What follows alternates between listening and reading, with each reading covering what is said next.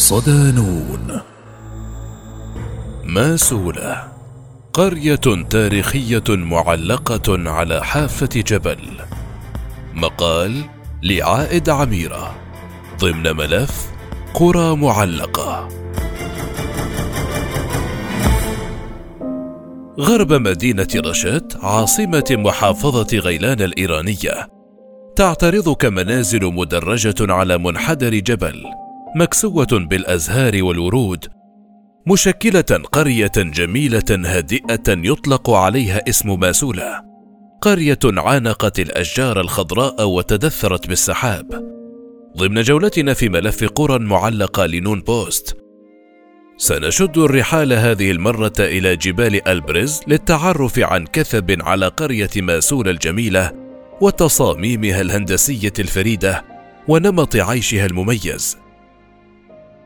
فضلا عن مميزات أخرى عديدة مكنتها من التحول إلى وجهة سياحية جمعت بين البساطة والحداثة. تصميم هندسي فريد. على بعد نحو 60 كيلومترا من رشاد وسط مقاطعة غيلان تقع قرية رائعة تنبض بالحياة مساحتها 100 هكتار على سفح شاهق يبلغ ارتفاعه 1050 مترا فوق مستوى سطح البحر. قرية يعود تاريخها إلى أكثر من ألف سنة، جمعت بين التاريخ والحضارة والطبيعة والثقافة. ترتدي القرية الجبلية المعلقة في أغلب أوقات اليوم ملابس بيضاء من الثلج والضباب، وتتزين بألوان زاهية منحتها إياها الأشجار الباسقة وجدران البيوت المدرجة والورود المفتحه على شرفات المنازل. وأكثر ما يشدك في قرية ماسولة تصاميمها الهندسية الفريدة وهيكل الدرج المتبع في بناء البيوت. فالانحدار الشديد الناتج عن تفاوت الارتفاع داخل ماسولة دفع الأهالي إلى ابتكار طرق جديدة للاستفادة من تلك المنحدرات. تم اختيار الموقع والارتفاع بناء على تخطيط محكم بعيدا عن العشوائية. فالبناء على مستويات أقل من ذلك كان سيجلب معه خطر الفيضانات الدائم. والشتاء الإيراني كان سيجعل الطقس باردا جدا بحيث لا يمكن تحمله. ويتيح موقع القرية الحالي التعرض الأمثل لأشعة الشمس ودرجة الحرارة بالإضافة إلى الحماية. كما تمكن السكان من الوصول إلى تصميم هيكل الدرج يتمثل في استقرار الفناء الأمامي لكل بناء سواء كان منزلا أم مطعما أو حتى اجزاء من السوق التجاري على سطح البناء المشيد تحته.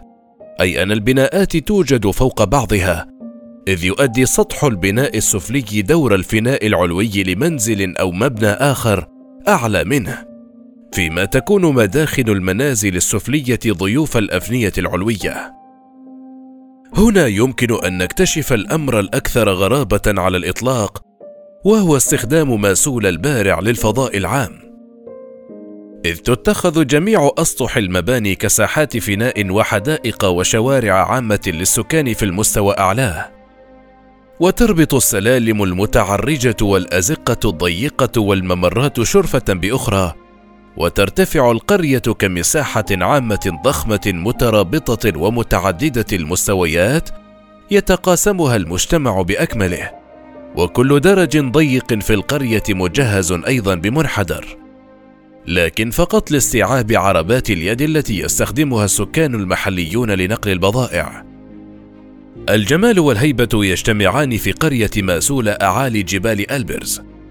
منازل صفراء مبنية من الطوب الطيني تكتنفها تلال خضراء متدثرة بسحابة من الضباب. وعادة ما يفتح الأهالي نافذة كبيرة وواسعة في جدران الغرف الأمامية للسماح بدخول ضوء الشمس لتدفئة البيت. فيما يكسو الطين الأصفر السطح الخارجي لمعظم المباني وهو ما يسمح برؤية أفضل في الضباب. إلى جانب ذلك يحرص الأهالي على بناء غرفة شتوية معزولة خلف منازلهم القديمة بجدران طينية سميكة. تستعمل عندما تشتد برودة المكان ويبدأ الثلج في التساقط فهي عادة ما تكون أدفأ من باقي غرف المنزل. تعتبر زخرفة البلاط جزءا من الفنون الهندسية في المباني التقليدية لقرية ماسولة التاريخيه فقد اعتمد الأهالي خططا خاصة لإنشاء مناطق جذب بصرية في جدران المعالم الأثرية. أحد هذه الحلول القيمة هو أنماط الزخرفة الهندسية المتنوعة. من الجيد ألا تفكر في زيارة ماسوله بالسيارة فهذا الأمر ممنوع لأن الشوارع صغيرة والسلالم العديدة لن تسمح للمركبات الآلية بدخول القرية. وتعتبر ماسول القرية الوحيدة في إيران التي يوجد بها مثل هذا الحظر نظرا لتصميمها الفريد.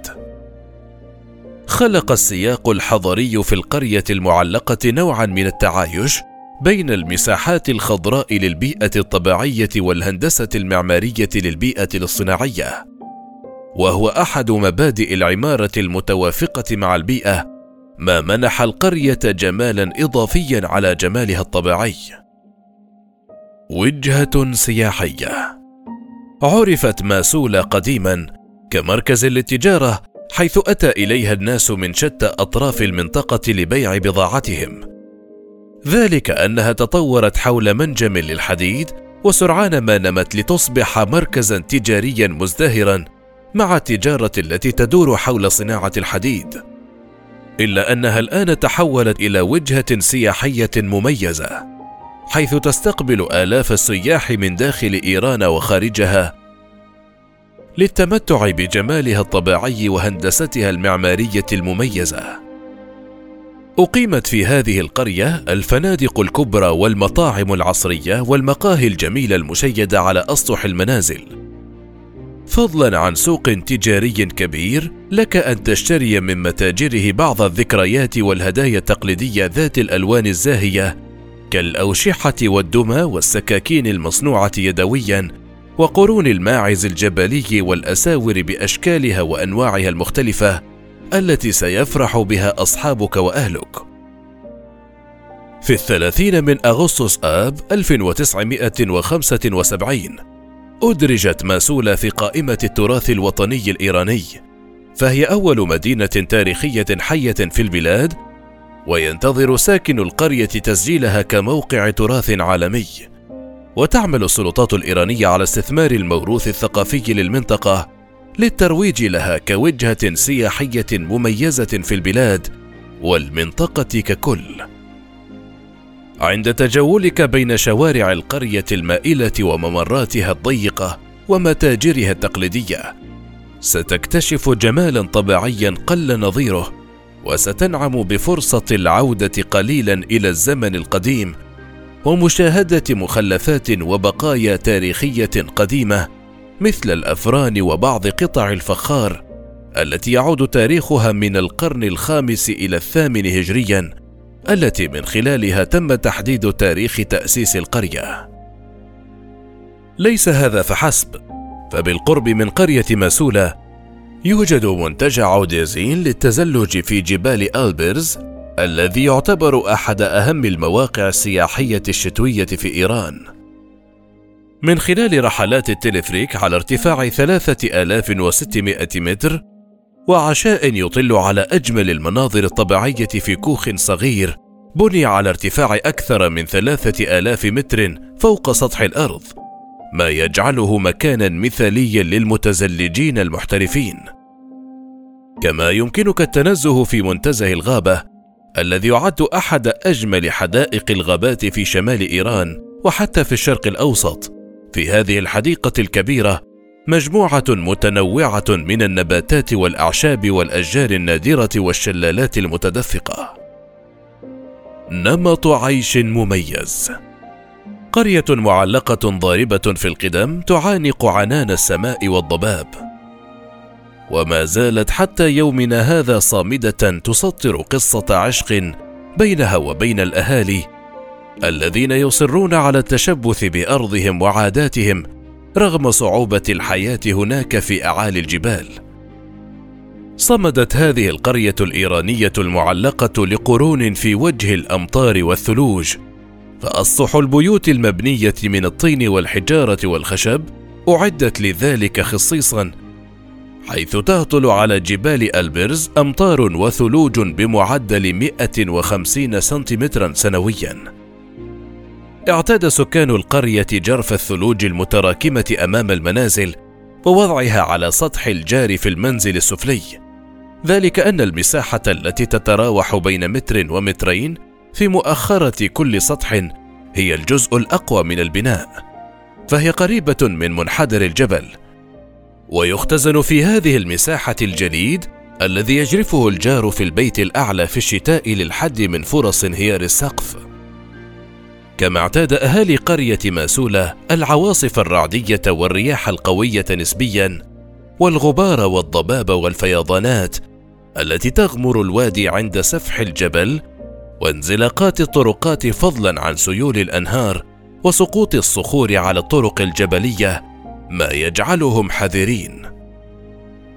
هنا في ماسولة تزدهر الطبيعة والعمارة والمجتمع معا فهذه القرية التي لم يقم ببنائها المهندسون المعماريون المدربون بل بناها السكان أنفسهم ذكية في حساسيتها تجاه البيئة والمناخ والمواد والاحتياجات والتقاليد المحلية.